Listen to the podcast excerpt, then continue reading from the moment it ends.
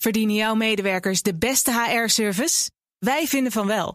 Numbers combineert payroll met slimme HR-features. Bespaar kosten en geef medewerkers eenvoudig toegang tot verlof, declaraties en loonstroken. Probeer Numbers op nmbrs.nl. De Perestrooikast. Een blik op Oost-Europa.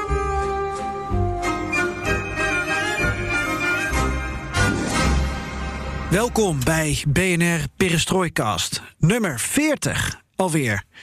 Floris, een feestje. Ehm, het is elke dag een feestje met jou, Geert-Jan. We zijn alleen niet elke dag bij elkaar. Nee. Gaan we het vieren? Ehm, eh, dat is eigenlijk wel de bedoeling. ja, Ik ga het bestellen bij mijn wijnboer. doe dat. Want ik zat me af te vragen. Ik zeg wel aflevering 40. eh, maar hoeveel afleveringen hebben we nu gemaakt? Als je alle extra's. volgens mij over de pakt? 50. Over de Als je 50. perestrooi-quarantaines meeneemt, we hadden nog één perestrooi kort... en we hadden één eh, dubbele aflevering, althans een herhaling... eh, over Poetin en de Tweede Wereldoorlog aan de Baltische landen. Oh ja, Rusland. daar hebben we een betere versie van gemaakt. Ja, klopt. Dus Ja. dan kom je uit op 51, als ik mij niet vergis. Ongelooflijk, waar halen we de tijd vandaan? Geen idee. Nee. Corona geeft ons tijd. Nou, gaan we er eh, eh, op drinken dat we allerlei jubilea hebben gemist? Mhm. Zeker. Blijven we een beetje in de cijfers? Eh, of dit nou aflevering 40 of 50 is. we kunnen nog een paar cijfertjes er namelijk aan vastplakken, deze podcast. We gaan het hebben over 100 jaar Trianon, 10 jaar Orbán, 7 Hongaarse buurlanden, 2 miljoen Hongaarse minderheden in die buurlanden. Oftewel, statistiekjes. En voor de duiding gaan we dan naar Ivo van der Weijden-fan. En dat is eh, de Trianon-kenner van Nederland die voorbij die cijfers kijkt. Is Hongarije heel erg genaaid? Ja, eh, ja zeker. Hè. De, de, de groot deel van Hongarije is, eh, is verdwenen. Dat groot Hongarije is, is weg. Maar ik heb wel ook aangegeven dat het heel moeilijk is, zou geweest zou zijn om dat op een andere manier wel goed te doen als je uit zou gaan van het principe van zelfbeschikking voor alle volkeren en dus ja, etnisch, een etnisch schone kaart zou, zou willen maken. Ja, dat is toch een bijzonder etiket, eh Trianon-kenner. Ja. Ehm, voordat we naar Ivo gaan, gaan we zo nog even naar de actualiteit. Eh, maar eerst even natuurlijk het standaard protocol afwerken. Dat betekent dat het je vertelt dat alles ten oosten van de rivier de Elbe...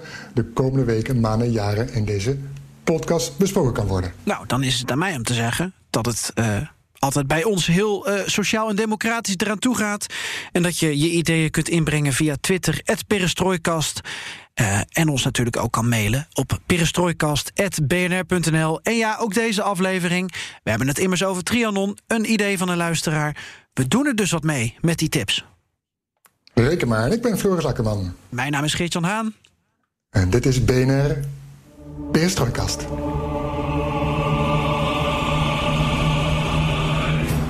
Nou, wie gaat er wie starten, Geert-Jan? Zal ik mijn nieuws eens eh, over, van over de brug komen? Trap jij eens even lekker af. Eh, We moeten de Moldavische wijn redden van de ondergang. Ah. Ehm, ik las een artikel in de Komsomolskaya Pravda, de, de Moldavische versie van de Russische krant. Ehm, eh, door het coronavirus is de export in elkaar geklapt.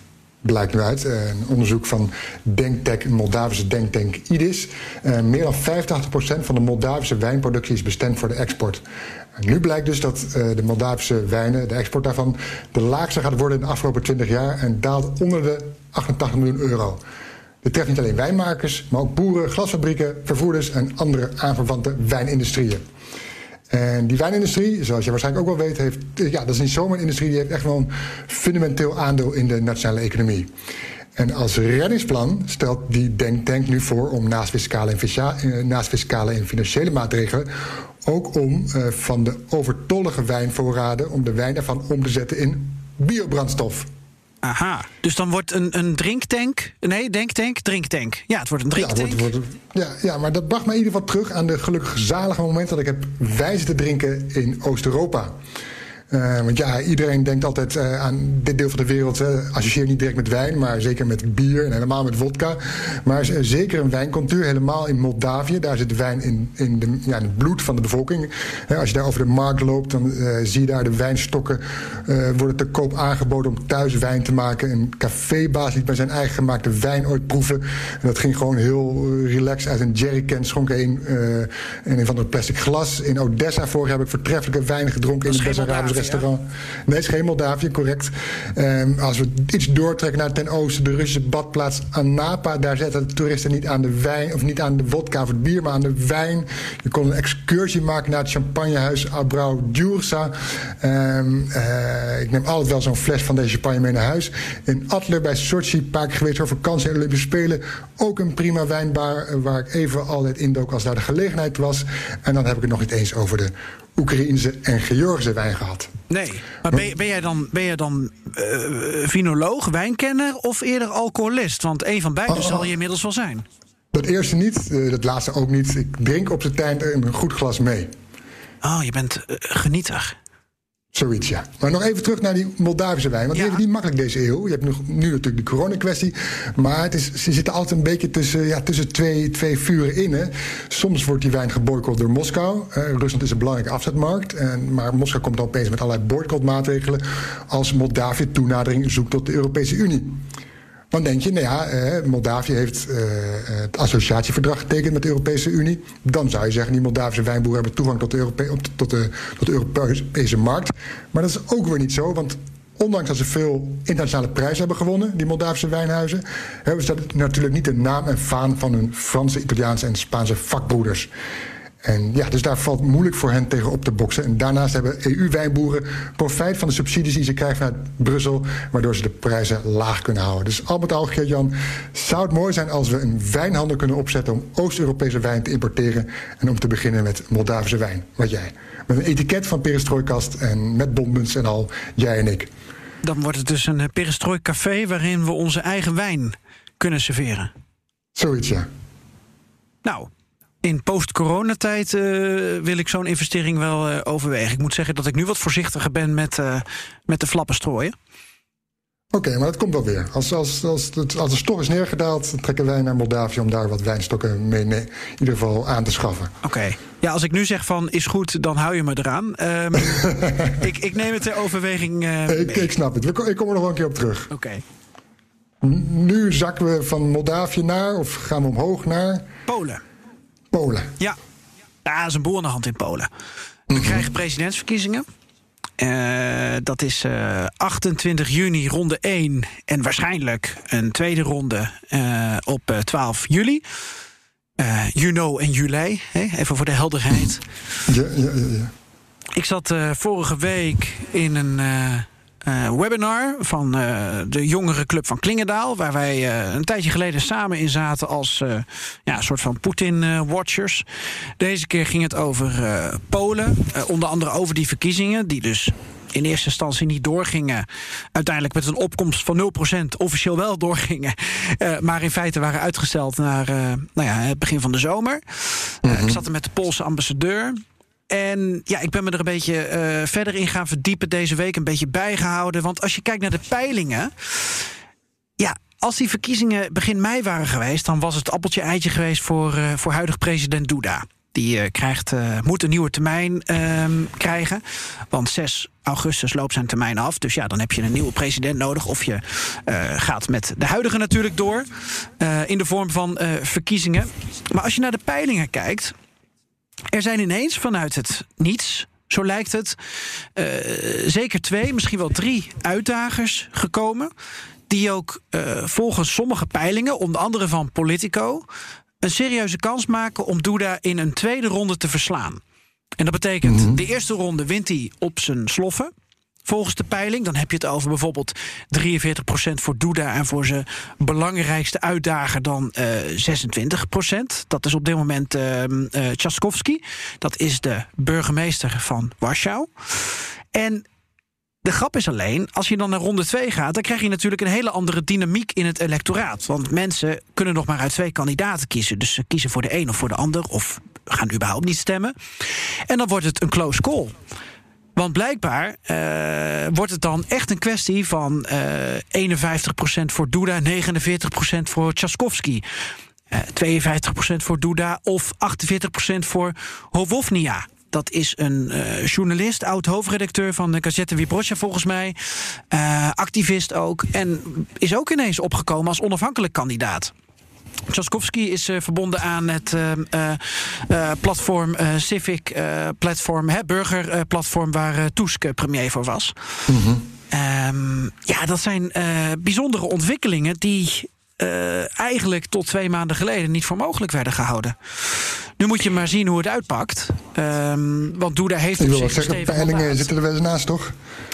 Zeker, maar je weet ook uh, dat uh, politiek ook heel erg met momentum te maken heeft. En uh, Duda was gedurende de coronacrisis heel veel in het nieuws in Polen. Net zoals Rutte bij ons, hè, moeten we erbij zeggen. Mm -hmm. En dat zorgt natuurlijk voor dat als je veel de aandacht krijgt en kan pakken, in de spotlight staat, ja, dat er natuurlijk ook veel meer over jou gesproken wordt dan over je concurrenten.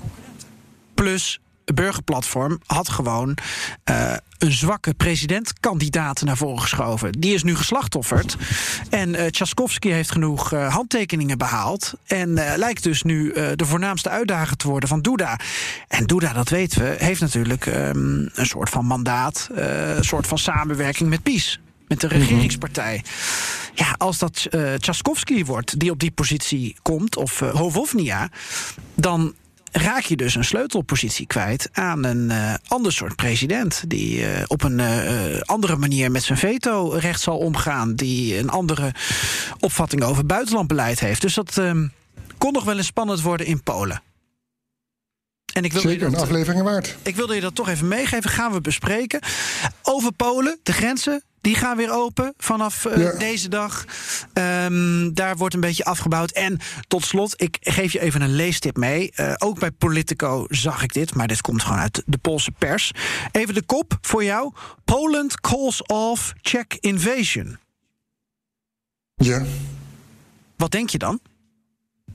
Ja, ik moet denken aan een eerdere aflevering dat Polen invasie Tsjechië. Uh... ja, dat dacht ik ook. Maar blijkbaar trekt uh, het Poolse leger zich op het moment van opname. Dus dat is, nou ja, donderdag. Uh, mm -hmm. terug uit Tsjechië. Er is blijkbaar een grensconflict de afgelopen maand geweest. Dat heb ik helemaal gemist. Bij een, uh, bij een kapelletje. Waar uh, de Polen die hebben daar een stuk grond bezet. En uh, hebben nu gezegd: sorry, er was een misverstand van onze kant. Je kan weer bij de kapel, wij trekken ons terug. Hmm. Fascinerend. Uh, Polen en Tsjechië hebben inderdaad, inderdaad in het verleden genoeg grensconflicten gehad. Maar blijkbaar hadden ze nu weer een stukje Tsjechië bezet. En nu toch maar even weer opgegeven. Heel zachtjes. Heel zachtjes. Hoppakee. Hoppakee, maar. Ah, wat? Oh, oh jee. Hé? Hey, buurman, jij bent het. Buurman, jij bent het. Oh, oh, wacht. Dan delen we die laatste toch? Huppakee. Ja, dan delen we hem. Hier, oh, oh, Ajeto. Nou, het houdt gemoedig in ieder geval bezig. Zeker, zo blijf je bezig. Zullen we naar uh, Hongarije gaan? Graag. Ik, ik smacht naar kennis over het Trianon-verdrag.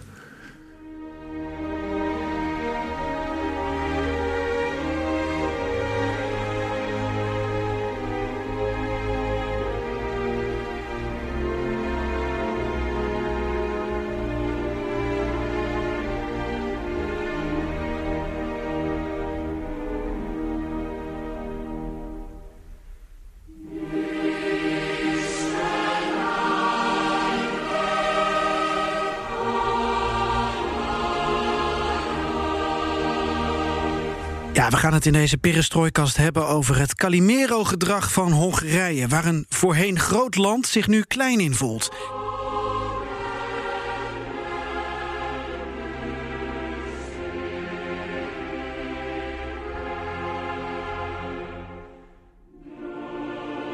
Het verdrag van Trianon werd getekend op 4 juni 1920. Maar was in de ogen van Hongarije vooral een dictaat. Een ontluisterende verlegging van landsgrenzen... die van het grote Hongarije een in eigen ogen nietig staatje maakte. Een keer op keer verwijst premier Viktor Orbán naar deze tijd. Zijn nieuwste uitspraak? A nyugat megerőszakolta Közép-Európa ezer éves határait és történelmét. De grenzen zijn verkracht. Zo liet hij weten tijdens de 100-jarige herdenking van het verdrag.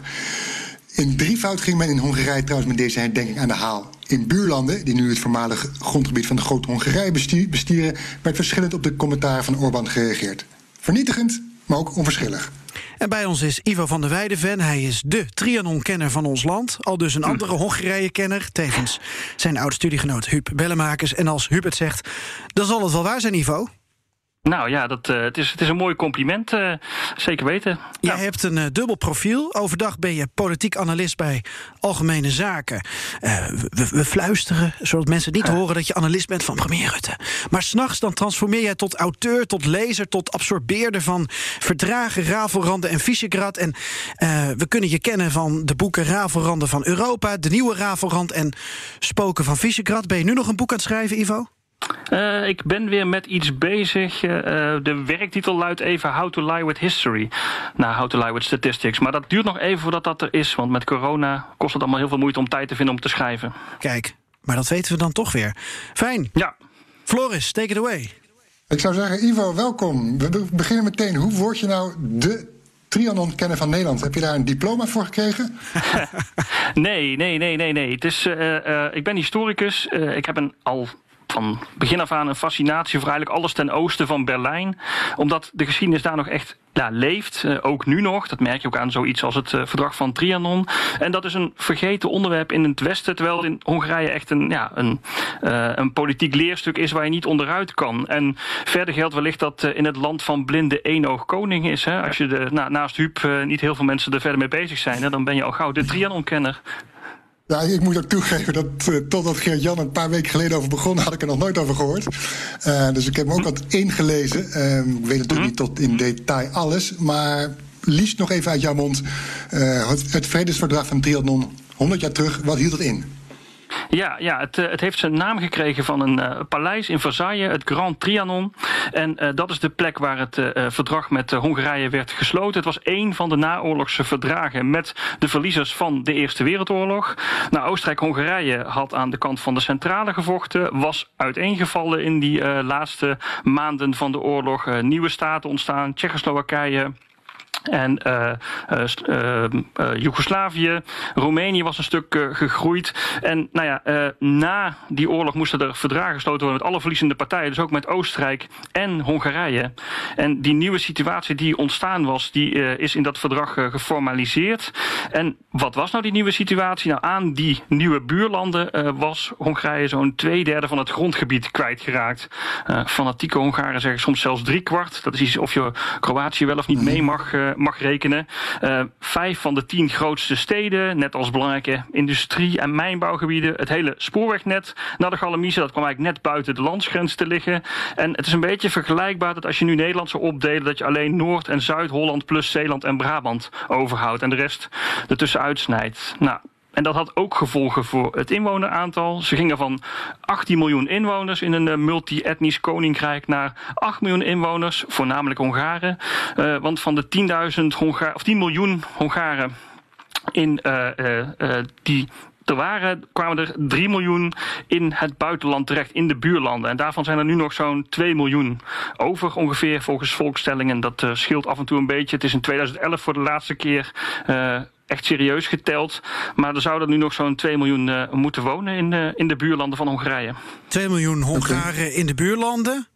Ja. Zeven buurlanden, als ik goed geteld heb. Ja, ik geloof het wel, ja. ja. 10 jaar Orbán, 100 jaar Trianon. Dat zijn de belangrijkste ja. cijfers voor het komende half uur, denk ik. Ja, dat, dat klopt, ja. ja. Zeker weten. Floris, hoor ik jou nog tussendoor? Ja, ik, ik, vraag me af, wat was de gedachte achter het opdelen van Hongarije? Waarom, waarom moest dat gebeuren? Nou, um, de Hongaren uh, die hadden dus zeg maar verschillende uh, volkeren binnen hun landsgrenzen, binnen de grenzen van dat koninkrijk, als deel van Oostenrijk-Hongarije op, op hun beurt. En nou ja, in de 19e eeuw, het nationalisme, dat deed in heel Europa op geld. En iedereen wilde eigenlijk zijn eigen land hebben. Uh, de Tsjechen, de Slowaken, die gingen samenwerken. Uh, idem dito uh, de Kroaten, de Serven en de Bosniërs ten zuiden van, van Hongarije. En nou ja, na de Eerste Wereldoorlog was het idee, we hebben zoveel conflicten gehad, juist ook omdat Oost-Europa zo'n zo'n rommeltje is. Dus laten we dat beorderen met het zelfbeschikkingsrecht van alle volkeren. Dat heeft iedereen vast wel gehad op de middelbare school van president Wilson, de Amerikaanse president. Met dat zelfbeschikkingsrecht in, in de hand werd de kaart opnieuw ingedeeld en uh, eigenlijk kregen de Hongaren, uh, waar ze al, ook al langer voor streden, een onafhankelijk Hongaars Hongarije. Uh, alleen het was iets kleiner dan dat ze zelf hadden willen hebben, waarschijnlijk. Die kaart, die jij, die kaart die jij noemt, Ivo. Ik, ik heb in de ambassades ja. nog wel eens een kaart van Groot-Hongarije zien hangen. Ook anno 2020. Ja, ja dat, uh, die kaart kom je heel vaak tegen. Uh, Viktor Orban uh, die post hem om de havenklap op Facebook. laatst nog een keer in april of mei, sta me even bij, um, om Hongaarse leerlingen succes te wensen met hun eindexamen geschiedenis. Nou, dat leverde meteen wat commentaar van buurlanden op. En ja, je komt dat Groot-Hongarije ook op t-shirts en op bumperstickers tegen. En het schijnt ook dat Viktor Orban jaren geleden ook rondreed met een bumpersticker van Groot-Hongarije op zijn auto. En als je zijn huidige uitingen ziet, dan uh, is dat, uh, ja, doet hij dat nog steeds, uh, is hij daar nog steeds mee bezig met Groot-Hongarije promoten. Ja, we gaan met jou een rondje langs de velden maken. We gaan eens kijken hoe het in die buurlanden nou eigenlijk leeft. Dat verdrag van Trianon, ja. wat Orbán erover zegt. Maar je stipt mm -hmm. het al een beetje aan, ook naar aanleiding van mijn vraag over die kaart, om te begrijpen wat ze in de buurlanden vinden. In de hoofdsteden, maar ook in die gebieden waar die Hongaarse minderheden uh, zich nu bevinden, moeten we toch de Hongaarse retoriek een beetje snappen en het ja. Hongaarse sentiment, het sentiment in Boedapest. Kun je daar iets over vertellen? Ja, ja, nou ja, het, in het heel kort is het, die, die kaart die, die staat symbool voor de verbondenheid van, met de Hongaren in de buurlanden. Uh, die zijn ze kwijtgeraakt in 1920, die 3 miljoen, nu nog 2 miljoen. En um, die, de banden daarmee die staan centraal. die 4 juni is nadat Fidesz in, aan de macht kwam in, in 2010 voor de tweede keer, was het. Um, een van de eerste dingen die ze deden was 4 juni uitroepen tot Dag van Nationale Cohesie. En het jaar 2020, 100 jaar na Trianon, is het jaar van nationale cohesie. En uh, dat is allemaal bedoeld om de verbondenheid met die Hongaren aan de andere kant van de landsgrenzen uh, ja, te, tentoon te spreiden. En um, ja, die verbondenheid is iets wat veel Hongaren wel delen. Want veel Hongaren hebben ook familie in een buurland. En ze zoeken zeg maar telkens naar manieren om die verbondenheid te laten zien. Ook nog een hele mooie is wat dat betreft uh, het, uh, het mooie uh, neogotische parlementsgebouw. daar hing tot enige tijd geleden, tot 2013 als ik het wel heb, de vlag van de EU keurig naast de, de Hongaarse vlag. En die EU-vlag die is vervangen door de Tsekle-vlag, de vlag van de Hongaarse minderheid in, uh, in Zeklerland in Roemenië. Een vlag die je daar uh, niet mag buiten hangen. Hmm. Dus uh, ja, dat sentiment dat is wel, wel breed. Um, 94% van de Hongaren gaf uh, vorige week in een, uh, in een interview aan, of in een uh, peiling aan het verdrag van Trianon als een uh, grote onrechtvaardigheid te beschouwen. Dus uh, ja, het is wel iets wat in Hongarije leeft. En waar je dan vervolgens als uh, Viktor Orbán zijnde um, politiek gebruik van kan maken. Maar dat brengt mij Was het toch. altijd? Dat brengt mij bij een vraag die ik wilde stellen, Floris. Kom jij er okay. eens tussendoor? ja, was het sentiment er altijd of is het de laatste jaren sterker geworden? Uh, het sentiment, ja, goed, daar kun je. Uh, er zijn mensen die zeggen dat de Hongaren sowieso een gevoel voor drama hebben en zich altijd zichzelf zielig vinden en de verliezers van de geschiedenis. Daar kom ik wellicht zo meteen nog, nog even op.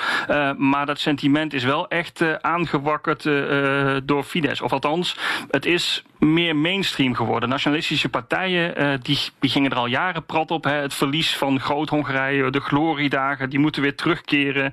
Uh, maar, en zeker ook vlak na het, uh, het verdrag leefde dat ontzettend sterk. Maar zeg maar na het, het, het einde van de, van de Koude Oorlog, de val van het, van het ijzeren gordijn, ja, toen keerde dat zomaar terug in de, in de mainstream. de eerste uh, Hongaarse premier van het Vrije Hongarije, Jozef Antal, die zei eigenlijk meteen al: ja, ik ben uh, de premier uh, in spirituele betekenis van alle 15 miljoen Hongaren ter wereld. Dus ook die in de, in de buurlanden. En nou ja, dat sentiment is wel dikker aangezet sinds 2010 eigenlijk. Dat wel. Oké. Okay.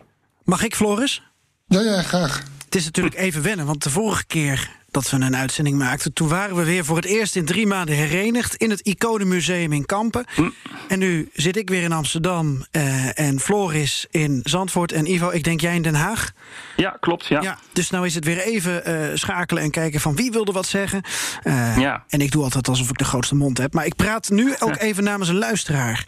Ivo, yes. ik heb een vraag van Thijs over dat sentiment. waar je al wat over vertelt. Maar mm -hmm. hij zegt: zit elke Hongaar vast in het verlies van Trianon.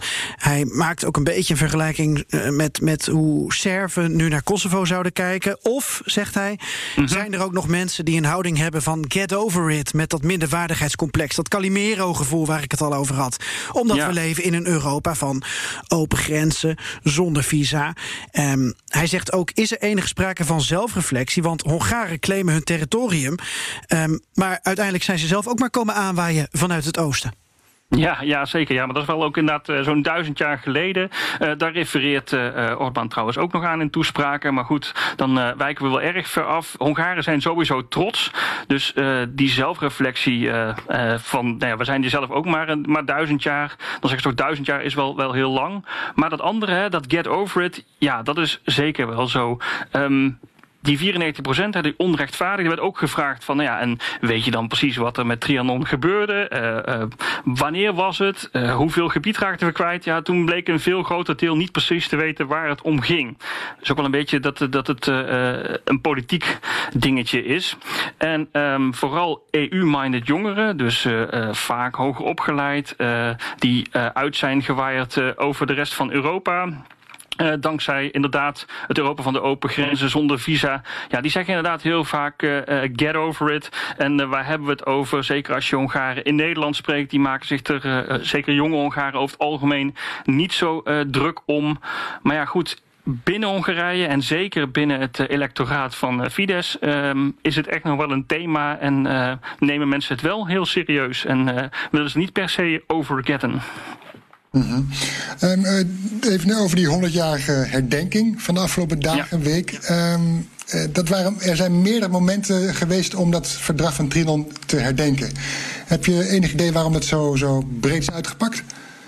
Ja, ja, dat is uh, uh, voor een deel, denk ik, uh, bedoeld om de boodschap naar de buurlanden iets te verzachten. Hè, dat het niet één groot bombardement is, is van, van Hongaarse ja, zelfmedelijden. En wellicht ook controversiële uitspraken. Komen we zo nog eventjes op. -hmm. um, maar anderzijds is het ook gewoon zo vanwege het, uh, het coronavirus. Hè. Er, was een, er is een heel groot uh, nieuw monument gemaakt recht tegenover het, uh, het parlementsgebouw. Er is een, een gat van 100 meter lang en een x aantal meters breed uitgegraven in een straat die uitkomt op dat parlementsgebouw. De helling die naar beneden loopt en langs de muren zijn in graniet de namen van alle 13.000 gemeenten die ooit deel uitmaakten van Groot-Hongarije uitgebeiteld. Die helling eindigt in een, uh, in een uh, granieten muur met achter een eeuwige vlam. Nou ja, enig drama kan ze niet ontzegd worden. En ja, die onthulling kon niet doorgaan. Die is verplaatst naar 20 augustus. de dag die wordt gezien als de stichtingsdatum van, van het Koninkrijk Hongarije in 1038. Maar dan wijken we een beetje heel ver af. Um, maar waarom zeg maar, dit zo'n groot nummer is, ja, ik zei het al, er zit ook een politieke uh, reden achter. Uh, er is een hele grote bemoeienis van de Hongaarse regering met de Hongaren in de buurlanden. Sinds Fidesz aan de macht kwam in 2010 is uh, de grondwet aangepast om de Hongaarse natie centraal te stellen. die Hongaren in de buurlanden hebben staatsburgerschap gekregen, actief en passief kiesrecht. Het schijnt volgens stellingen dat ongeveer een miljoen Hongaren in de buurlanden daar gebruik van maken van dat uh, staatsburgerschap. En er gaat een heleboel geld naartoe. Echt honderden miljoenen euro's, of forinten dan, als je het over Hongaars uh, geld hebt. En ja, de onderliggende politieke redenen daarvan zijn dan dat als je die mensen actief uh, pas, uh, kiesrecht geeft en een heleboel geld er naartoe stuurt, dan stemmen ze ook wel op je. En uh, daar is het Fidesz er echt wel om te doen. Dus het is een, een, een propaganda-boodschap die ja, gewoon ook politiek belang, vooral binnenlands politiek belang in Hongarije heeft. Ja, en Orbán liet zich niet, ja, die liet zich gelden. Die zei dus uh, de grenzen zijn verkracht, uh, onder ja. meer. Uh, dat, ja, daar, daar, dat, dat pikt natuurlijk iedereen op, zo'n one-liner. Ja. Maar jij als expert, jij kijkt daar verder naar. Wat viel jij nog meer op? Ja, er waren nog meer toespraken. Uh, nou, Orbán uh, was afgelopen uh, zaterdag bij een nieuw monument, pal aan de Slovaakse grens. de rest van alle prominenten die heeft op donderdag een toespraak gehouden in het, in het parlementsgebouw. En zeker als je dan naar Fidesz kijkt en um, naar de parlementsvoorzitter, ook iemand van Fidesz, dan zie je dat ze een beetje het, het historische frame, laat ik het zo maar even noemen, van de Trianon-vrienden eruit lichten. Um, Trianon is zeg maar de grote schande in de Hongaarse geschiedenis, is, zo is het uh, leerstuk. En um, daar wordt zeg maar uh, dat is een grote tegenslag voor Hongarije. Hongarije is een voet dwars gezet door het Westen. Dat zei Orbán ook in zijn, in zijn toespraak. Het Westen heeft die grenzen verkracht. En nu zeggen ze dan, uh, ja, uh, we staan wederom onder druk van buitenaf. Uh, Brussel, zoals het dan altijd zo mooi heet in, in, in Fidesz-taal. En George Soros. En eigenlijk dat zijn de, de, wellicht weer een nieuw Trianon. En de oppositie, want daar gaat het natuurlijk om, die zeg maar ook daarmee meegaat, dus meegaat met uh, ideeën uh, die uit Brussel komen, ja, dat zijn dan ook weer Trianon-vrienden. En zo kun je ze dus heel makkelijk wegzetten. Mm -hmm. En um, ja, je zag ook een, um, in het parlement uh, dat dus de scheiding werd gemaakt tussen um, de nazistaat en Orbán en Fidesz als de, de voorvechters daarvan. En uh, de EU, die het liefst allerlei uh, macht en middelen van die nazistaten wil afpakken en de macht naar zich toe wil grijpen. En dan is wederom het idee, nou, dat is dus een soort nieuw trianon. Er werden ons ook dingen afgepakt.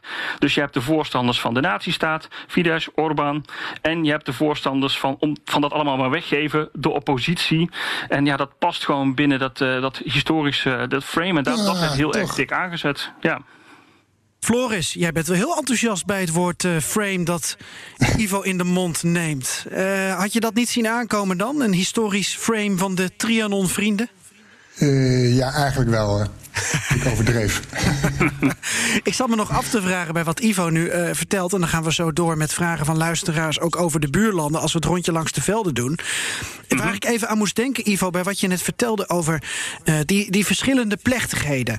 Want dat is mooi van ja. de nabeschouwing. We kunnen daar een beetje op terugkijken. En Floris, jij bent de Rusland kennen. Jij weet veel van Poetin. Ik weet nog dat Poetin begin dit jaar, eind vorig jaar. een soort aanval op Polen opende. over dat Molotov-Ribbentrop-verdrag. Mm -hmm. En dat hij dat eigenlijk deed op verschillende momenten. Op, bij verschillende bijeenkomsten, op verschillende fora. Het leek een soort strategie om de boodschap maar keer op keer op keer te kunnen blijven herhalen. Bij zoveel mogelijk gelegenheden iets zeggen, iets presenteren. Um, is dat een vergelijking die misschien hier opgaat, Ivo? Dat het een strategie van Orbán is om telkens maar het te blijven benoemen? Ja, nee, dat is zeker een strategie. En niemand moet dat uh, vergeten, dat, dat Trianon zo'n grote schande was. Omdat het, dat het zo makkelijk is om er altijd op terug te kunnen grijpen. Dus ik zei al dat niet iedereen wist wat, uh, wat Trianon betekende, wat het, uh, wat het nu eigenlijk was. En nou ja, dat moet je dus vaak benadrukken, zodat iedereen daarvan doordrenkt raakt. En nou ja, dan de enige redding van, tegen een nieuw Trianon is natuurlijk stemmen op Fidesz. Ja. En dat, dat is nog wel leuk om te, op te merken dat Fidesz ook in die toespraken zegt dat van ja, ondanks al die tegenwerkingen in de afgelopen jaar, de, de laatste tien jaar, die zijn natuurlijk een enorm succes. Dus uh, nou ja, dat kun je dan mooi claimen. Mi látjuk Pozsonyban Bratislavát és Kolozsvárban Klust. En hoe is er vanuit de buurlanden uh, gereageerd op de toespraken van Orbán, op uh, de 100-jarige herdenking? Ik kwam wat koppen tegen. Uh, ik citeer even. Balkan Insight. Daar kwam de reactie, denk ik, vanuit nou ja, Roemenië, Kroatië, Servië. Trianon Centenary stirs mixed emotions across Central Europe. Was ja. het mixed emotions? Ja, ja, zeker weten. Je, je hebt natuurlijk uh, de Roemenen als eerste. Laat ik gewoon een, inderdaad het rondje langs de velden maken. Die gingen er echt met uh, gestrekt been in. Um, dat is ook al iets wat al langer aan het opbouwen is. Zij hebben de grootste Hongaarse minderheid. Ik had het over die Zeklers in het Zeklerland. Uh, Transylvanië noemen we dat ook wel eens als het over Roemenië gaat. En daar was al wat gedoe over in Roemenië. Um, er, dreigde een wet, zeg maar, door, dankzij de coronacrisis, zonder problemen door het parlement te gaan, die uh, de Zekelers autonomie, uh, of een de deelautonomie uh, verschafte. En dat werd zeg maar, op het laatste moment nog tegengehouden in het Hogerhuis. En toen heeft president Johannes um, daar een nummer van gemaakt door de oppositie uit te maken voor verraders die Transylvanië op een presenteerblaadje zouden teruggeven aan, aan Hongarije. En dat was natuurlijk tegen het zere been en in Hongarije. En wat ook tegen zere been was, was dat nou, eigenlijk los van dit traject uh, hadden ze uh, 4 juni in Hongarije of in Roemenië uh, tot nationale feestdag betiteld. Kijk, in Hongarije is het sinds 2010 echt een gedenkdag. Hè, treurnis, droefheid alom. En de Roemenen zeggen, nou wij kregen er gebied bij, dus wij vieren feest. Dus ja, met Roemenië loopt het niet zo heel erg lekker. In uh, Oekraïne, uh, ja, misschien kan uh, Floris me corrigeren, maar daar heb ik weinig gehoord. daar zijn natuurlijk in 2019 de, de taalrechten van de Hongaarse minderheid teruggedraaid. Daar maakt men in Hongarije een, een groot nummer van. Maar ik heb ze nu niet uh, gehoord over uh, kritiek op ja, de huidige herdenkingen. Ik kan er nogal aanvullend. Volgens mij was het in 2017 hoor, met die eigen okay. taal. Dat werd beperkt door etnische minderheden. Um, ja. De Oekraïense minister van Buitenlandse Zaken is in coronatijd op 29 mei naar Budapest afgereisd. Uh, ja. Met autoschijnt. Hij heeft niet gevlogen. En daar hebben ze gesproken over die rechten van die uh, Hongaarse minderheden. En nu zou er worden gewerkt tussen, tussen beide landen. Ja, toch aan, een, aan, een, ja, aan, aan meer rechten op het gebied van taal en onderwijs. voor die Hongaarse minderheden die daar in West-Oekraïne, in Zakarpatje, wonen. Ja. Uh, dat, de Hongaarse regering ziet juist nu zijn kans schoon om, om, dat, om, om, om die Hongaarse minderheden in, in West-Oekraïne te steunen. Omdat Zelensky, de huidige uh, Oekraïnse president, een minder nationalistische koers vaart dan zijn voorganger Poroshenko, die met die wet kwam om die eigen taal ja. door etnische minderheden te, te beperken. En het ja. zou eventueel ook gaan om het verlenen van dubbele nationaliteit. Dat zou interessant zijn in tijden van verkiezingen. Wat, ook, wat ik ook lees uit Oekraïnse pers is dat Orbán hield dan steeds ja, tot het moment uh, verder samenwerking tussen de NAVO van Kiev en de EU en Kiev tegen. Omdat hij zoiets van, uh, hij had zoiets van ja, laat Oekraïne maar eens over de brug komen met hulp van die Hongaarse minderheden. En pas dan kunnen we kijken hoe, uh, hoe we ze kunnen helpen bij, met de NAVO en, en met de EU. Klopt. En tot slot, zou, zou nog kunnen zijn dat met die samenwerking tussen Oekraïne en Hongarije, zou Hongarije in dat Zakarpatje, uh, Zakarpatje uh, helpt met de economische ontwikkeling en infrastructuur van het gebied. Zo liggen momenteel de, ka de kaarten. Een, een, ja. een, akkoord is er nog niet, maar ze, zijn, ze werken er dus wel aan. Ja, precies. Nou, een akkoord is nou nog niet. Want het is ook wel opmerkelijk dat uh, Orbán hen niet noemde in, de, in zijn toespraak op zaterdag. Hè, die van de verkrachting. Uh, waar die landen mee noemde waar hij wel mee wilde samenwerken. Uh, Slowakije, ja. Servië, Kroatië en Slovenië. Dus er is nog wat werk te doen. En okay. ja, die relaties met Slowakije, Servië, Kroatië en Slovenië. die zijn eigenlijk ook heel goed. dat komt ook wel omdat daar nu vergelijkbare regeringen zitten. Uh, en uh, ook omdat de uh, Hongaarse minderheden daar niet zo groot zijn.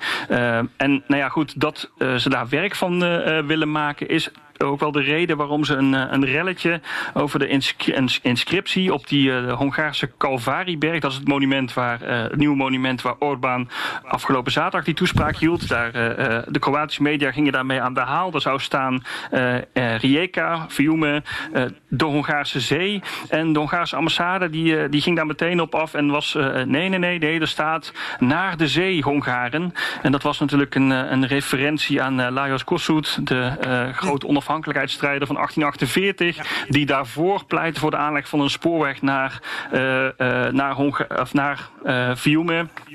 Ook omdat dat dan de economische ontwikkeling zou ondersteunen. En zo zei de Hongaarse ambassade natuurlijk nu meteen erachteraan. En dat doen we nu ook, want er gaan heel veel Hongaarse toeristen, 600.000 uh, jaarlijks, naar Kroatië. De Hongaarse oliemaatschappij is daar heel actief. En die samenwerkingsverbanden, die zijn eigenlijk wel heel goed. En ja, je zei dat er contact was dus met Oekraïne vlak voor Trianon. Nou, zo heeft Siarto echt een, ook een rondje langs de velden gemaakt. Ja, minister van Buitenlandse Zaken van Hongarije. Ja, ja precies. Naar Slovenië. Ehm, en de, zelfs de Roemenen, die werden, daar ging hij naartoe. de Slowaken die werden ontvangen. Nou ja, een, een hele ja, soort voorwas voor die, die, die Trianon-herdenking. En je zag ook in die Facebook-post waar ik het over had in april met die examens uh, dat uh, de oppositiepresidenten, hè, dus uh, van oppositiepartijen die voorheen ruzie trapten met, met Hongarije, dat die er nog wel werk van maakten op Facebook in de reacties. Maar de premiers van de wat meer Orbán-gezinde regeringspartijen in de buurlanden niet. Um, ja, en dan hebben we eigenlijk nog het laatste land, Slowakije. En dat is een beetje een, een vreemde eend in de bijt. de regering die daar nu sinds februari aan de macht is, is niet echt een geest verwant. En je zou zeggen dat nou, de Roemenen hebben de grootste Hongaarse minderheid binnen de landsgrenzen. En uh, de Slowaken verhoudingswijs gezien zeker de tweede grootste Hongaarse minderheid. Maar de nieuwe premier uh, Matovic die had een hele andere opstelling. Die heeft een, uh, een heleboel etnische Hongaren uitgenodigd voor een, een diner op de Burgt in Bratislava. om daar samen te, spreken over hoe ze samen verder moesten. En nou eigenlijk Trianon te herdenken als iets wat een, een, weliswaar een, een hele verdrietige dag is voor de een, maar een nieuwe start voor de ander. En dat het vooral belangrijk is om, om samen te werken. Dus ja, de geluiden van de buurlanden verschillen. Ja. ja. En waarom, waarom ging, als het kan heel kort, uh, Orbán eigenlijk naar die grens met Slowakije? Toch het vertellen, ja, of niet? Ja. Ja, dat, nou, er staat een, een heel groot, uh, nou, mijn mening, redelijk lelijk monument nu is, daar, is daar gebouwd. het is echt ja, de Calvarieberg. Ze zijn natuurlijk ook heel erg gelovig. Hè, de, bastion van het christendom wat ons altijd heeft beschermd tegen alle barbaren uit het oosten. Als je het in die Hongaarse geschiedenis ziet. Daar hebben we ze nooit echt voor bedankt. Is natuurlijk dan ook het, het, grote, het grote probleem. En nou ja, dat, dat is ook een, een, een, een christelijk monument. Hè. We kennen de de, staties van het kruis. Uh, Christus, in iedere kerk kun je het wel, katholieke kerk tenminste, kun je het zien. Hè, hoe die de weg naar de kruising maakte. Ja, dit is dan een, ook een soort kruising van Hongarije, heel erg symbolisch. En waarom dat monument nou daar staat om, en waarom nou precies daar naartoe ging, dat, ja, er staan Trianon-monumenten door heel uh, Hongarije. En zeker in de, in de grensgebieden.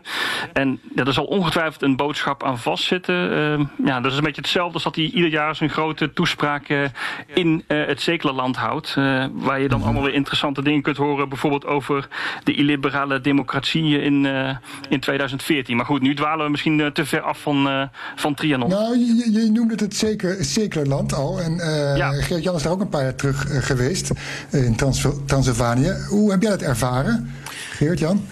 Ja, ik, ik, ik, ik ga er wat over zeggen, maar dan ga ik gelijk aan Ivo mhm. vragen of dat een juist beeld was. Want ik was daar voor een reisreportage en toen ben ik heel Transylvanië uh, afgegaan met een fotograaf. En ik, ik heb even de tekst opgezocht die ik daarbij uh, toen heb uh, opgeschreven in de reportage.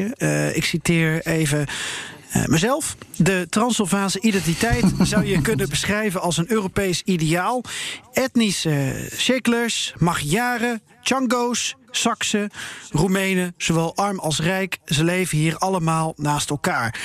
Wat me dan nog bij is gebleven en opviel van um, uh, het, uh, het Hongaarse gedeelte. Ik vond het heel ruraal. Ik vond het heel erg gericht op landbouw met de hooivork um, terug in de tijd.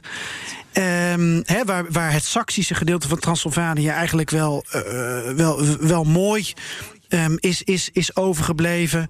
Uh, en je hebt natuurlijk de steden die inmiddels redelijk uh, ver Roemeens zijn. Had ik bij, bij Schiklerland een beetje een armoedig beeld. Ik hoop niet dat ze mhm. luisteren. Maar ook weer duister en spannend.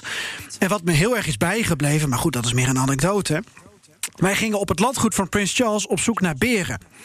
Uh, die waren er natuurlijk niet. Ik heb twee uur lang met mijn kont op zo'n koud houten bankje gezeten in zo'n boomhut.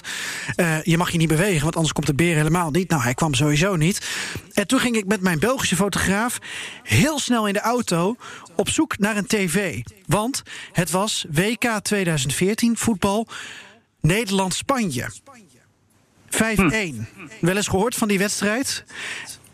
Robin van Persie, die 1-1 maakt met die weergeloze kopbal. Nou, wij waren dus Geen idee. net op tijd op een veranda van een of ander uh, uh, Schickler uh, café beland. Om dat doelpunt te zien. Ik juich. van Persie. Mondtam, hogy nem szabad ilyen könnyen. Casillas fele. Ja, ik heb daarna eigenlijk een, een, een weergeloze tweede helft van Nederland gezien. En enorm met die chicklers lopen zuipen. Ehm, volgens mij uh, denk ik dat ik lam ben geraakt van de, van de Pilanka. Het lokale brandy, toch? Uh, dat is me bijgebleven. Wat is je punt? En daar niet meer zo heel veel. Nee, ja, dat, uh...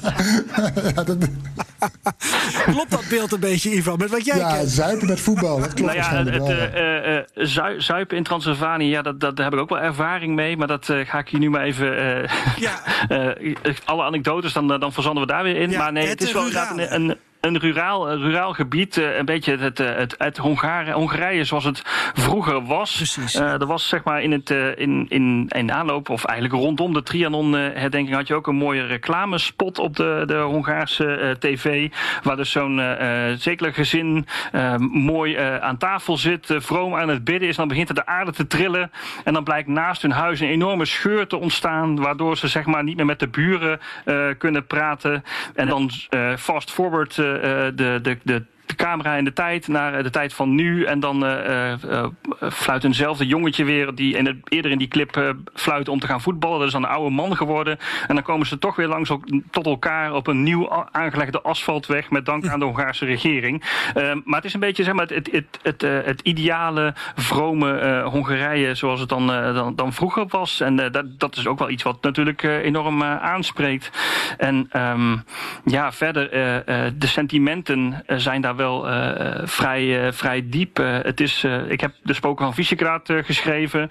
En toen dat eenmaal gepubliceerd was, kreeg ik, of kreeg mijn uitgever eigenlijk een heel zwart boek opgestuurd van alles wat er mis was, wat de Roemeense overheid niet deed aan de rechten van minderheden, Hongaarse minderheden in dat zekere land. Er was een recht op tweetaligheid, op de verkeersborden en de plaatsnaamborden. Dat werd niet ge ge gerespecteerd. Dus um, ja, er zijn ook wel dingen. Ik zei al dat de Met gestrekt been ingingen. Uh, ja, dat is toch wel een beetje haantjeskracht tussen die twee landen. Uh, de, de Hongaren vinden dat er uh, meer gedaan moet worden voor de Hongaarse minderheid in het zekele land. die vlag, de vlag op het parlement hijst, terwijl die in Roemenië dus verboden is. En ja, de, de Roemenen vinden natuurlijk dat er te veel bemoeienis is en dat de Hongarije zich niet moet bemoeien met de binnenlandse politiek van, van Roemenië. Dus ja, dat is natuurlijk, dat blijft wel een beetje een dingetje, maar het is wel echt een iets anders dan de rest van uh, Roemenië. Dat is ja. eigenlijk voor heel Transylvanië wel zo. Dit sluit ook wel mooi aan bij vragen van luisteraars. We hebben uh,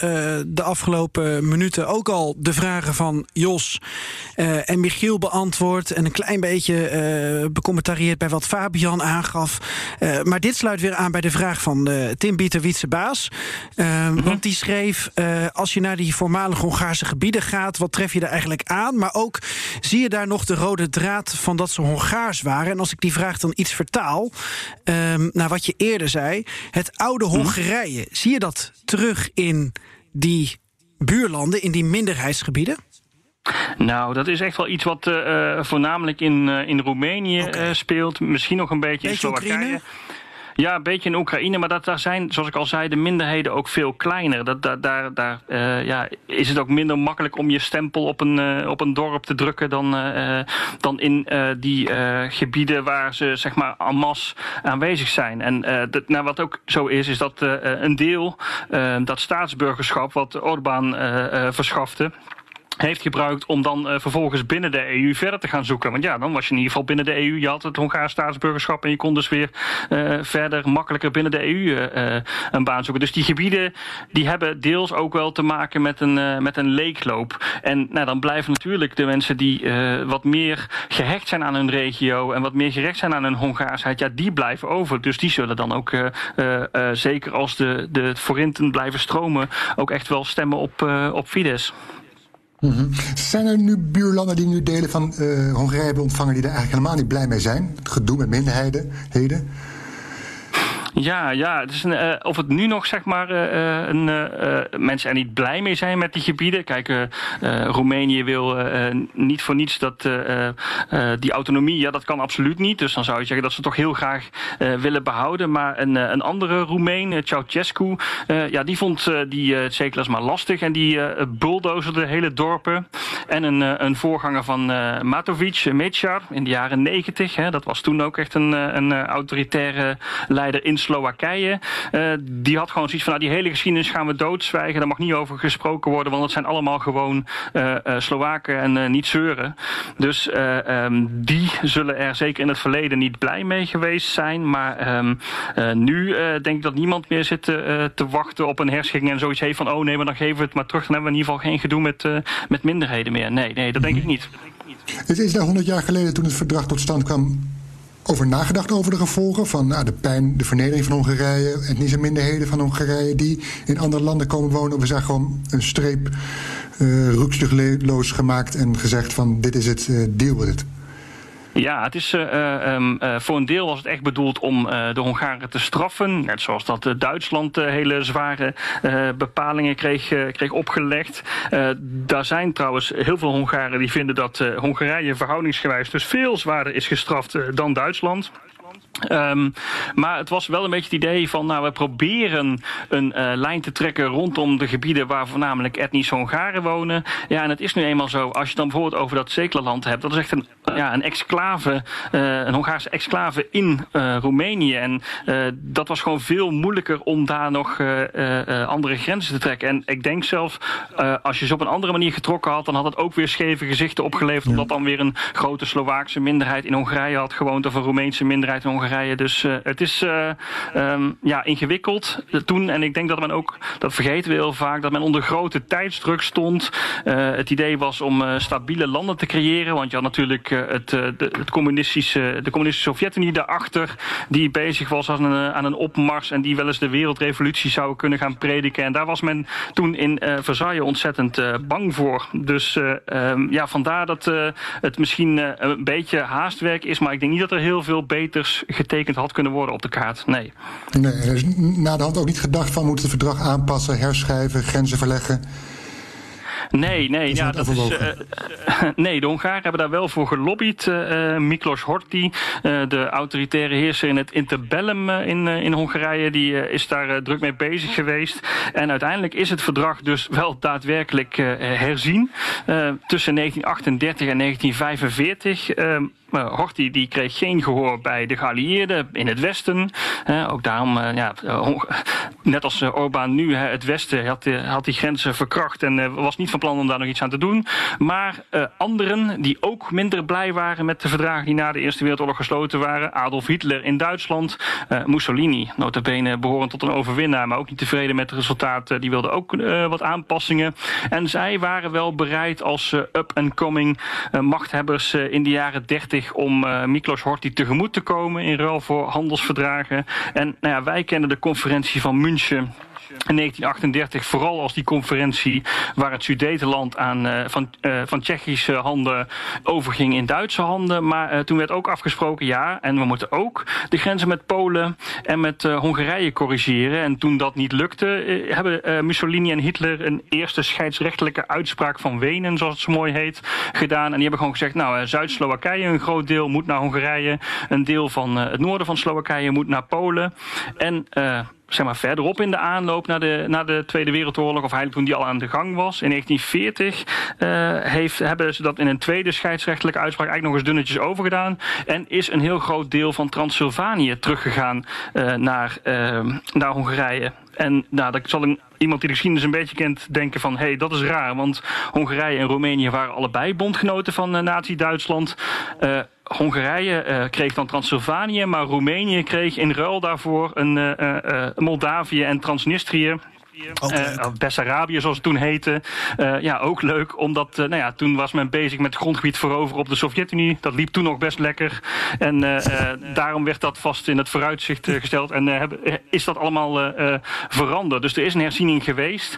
Alleen ja, na de Tweede Wereldoorlog bleken er toch weinig voorstanders van al die wijzigingen die Hitler, Mussolini en Horthy hadden aangebracht. Dus in 1947, bij een nieuw vredesverdrag in Parijs, zijn de grenzen weer helemaal teruggedraaid. Er komt bij mij weer veel, veel meer terug, uh, nu je er zo over spreekt, van mijn avonturen in Transylvanië en in uh, Zuid en voetbal of, uh, of iets nou, um, inhoudelijks? Ik weet in welk dorp ik die voetbalwedstrijd heb gezien. Ah. In het Hongaars Barot, in het Roemeens Barolt. Mm -hmm. Zegt je dat wat? Nee, nee, sorry, nee. Eh, vanuit Barold zijn we naar Miklishuara gereden, oftewel uh, Miklosvar. En daar hebben we geslapen in het spookpaleis op het landgoed van graaf Tibor Kalnocki. Die daar bezig is met het herstellen van de aristocratische glorie. Dat was echt een bizarre slaapplek. En ik kwam eh, op die plek uit dankzij het boek Kameraad Baron van Jaap Scholten. Ja. En dat is naast jouw meeste werken natuurlijk, die jij in jouw avonduren schrijft. Natuurlijk ook wel echt een boek dat je kan lezen om ook wat meer over Roemenië en Ja. Hongarije te leren kennen. Zeker, zeker weten. Ja, en ik eh, heb nu weer mooie nieuwe eh, reistips eh, erbij voor als het coronavirus ons weer verlaten heeft. Ja. Dus dat is wel weer mooi. Ik zal eh, eh, eh, kijken of ik een deel van deze reportage op mijn Twitter-account kan zetten, zodat eh, de luisteraars daarvan mee kunnen profiteren.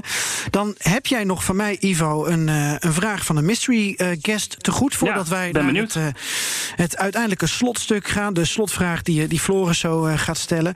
Even kijken, waar heb ik hem ook alweer staan? Daar is de mystery guest. Nou ja, jij hebt eigenlijk al geloof ik wel door wie de vraag heeft. Hij klinkt een beetje als Klaas Dijkhoff. Komt-ie. Dag Ivo, met uh, Bellenmakers. Ik heb een vraag. De, ik weet dat jij ook kritisch bent op hoe, eh, hoe in Hongarije nu uh, trianon wordt gebruikt. En uh, misbruikt misschien wel uh, voor de huidige politiek en de huidige samenleving. Maar ik zat laatst ook te denken, ook naar aanleiding van gesprekken met, met mensen... Um, zijn we daar niet te kritisch op? Ik bedoel, is het niet zo dat er een. De, de, A, dat Hongarije echt heel erg genaaid is met Trianon. En dat, dat, ja, dat, dat, dat het echt zo ingewikkeld is.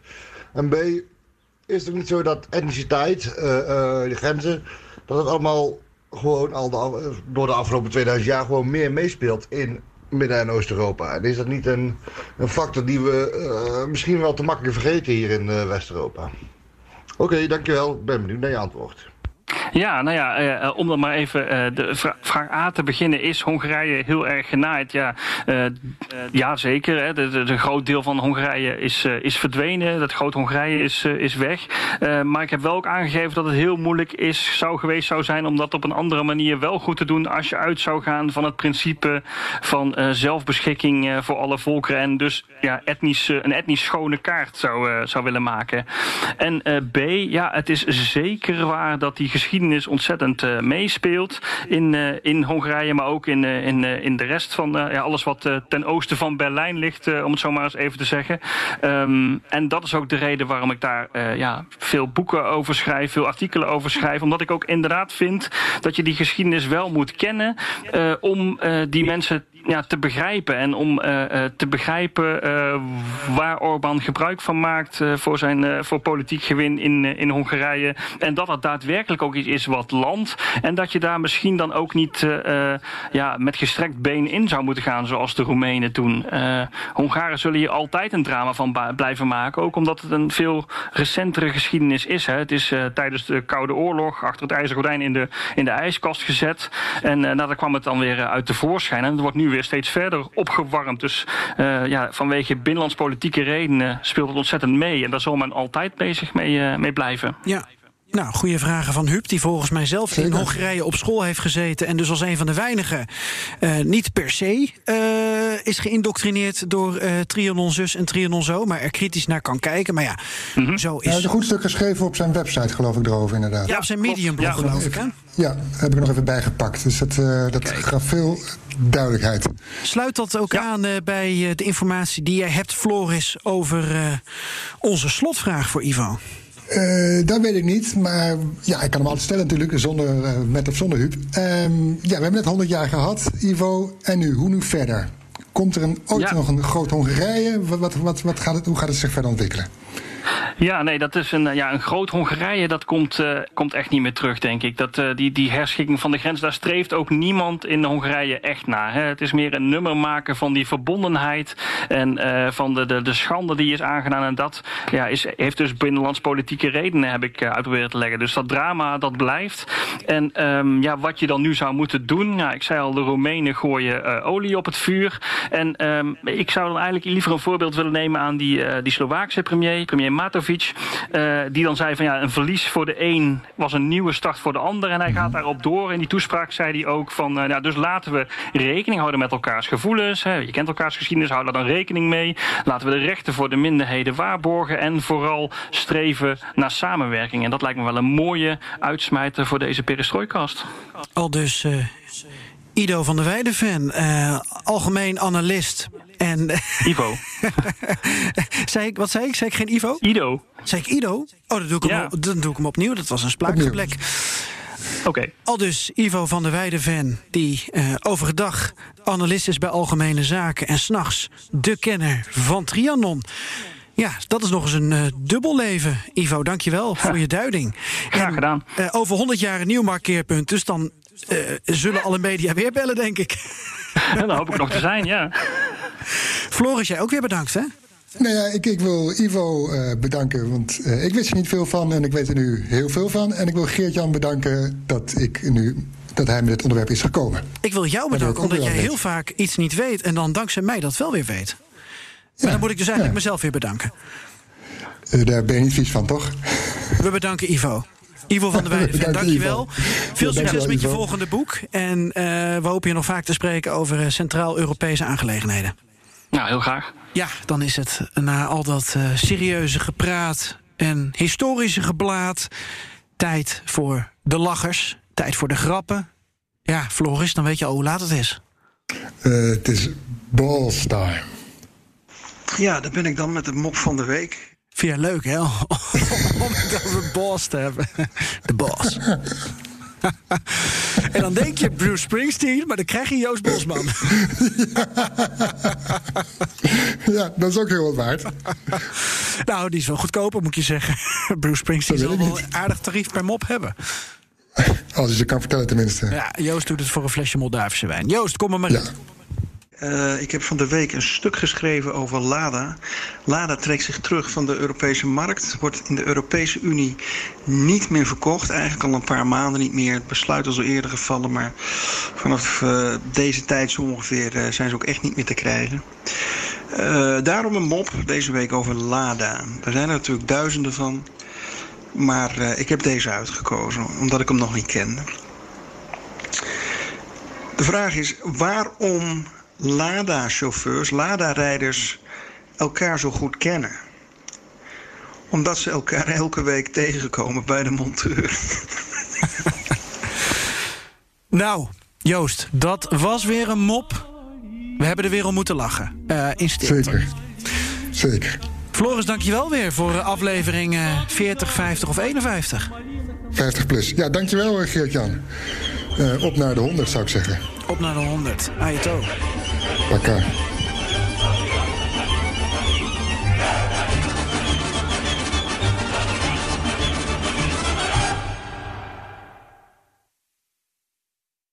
Verdienen jouw medewerkers de beste HR-service? Wij vinden van wel. Numbers combineert payroll met slimme HR-features.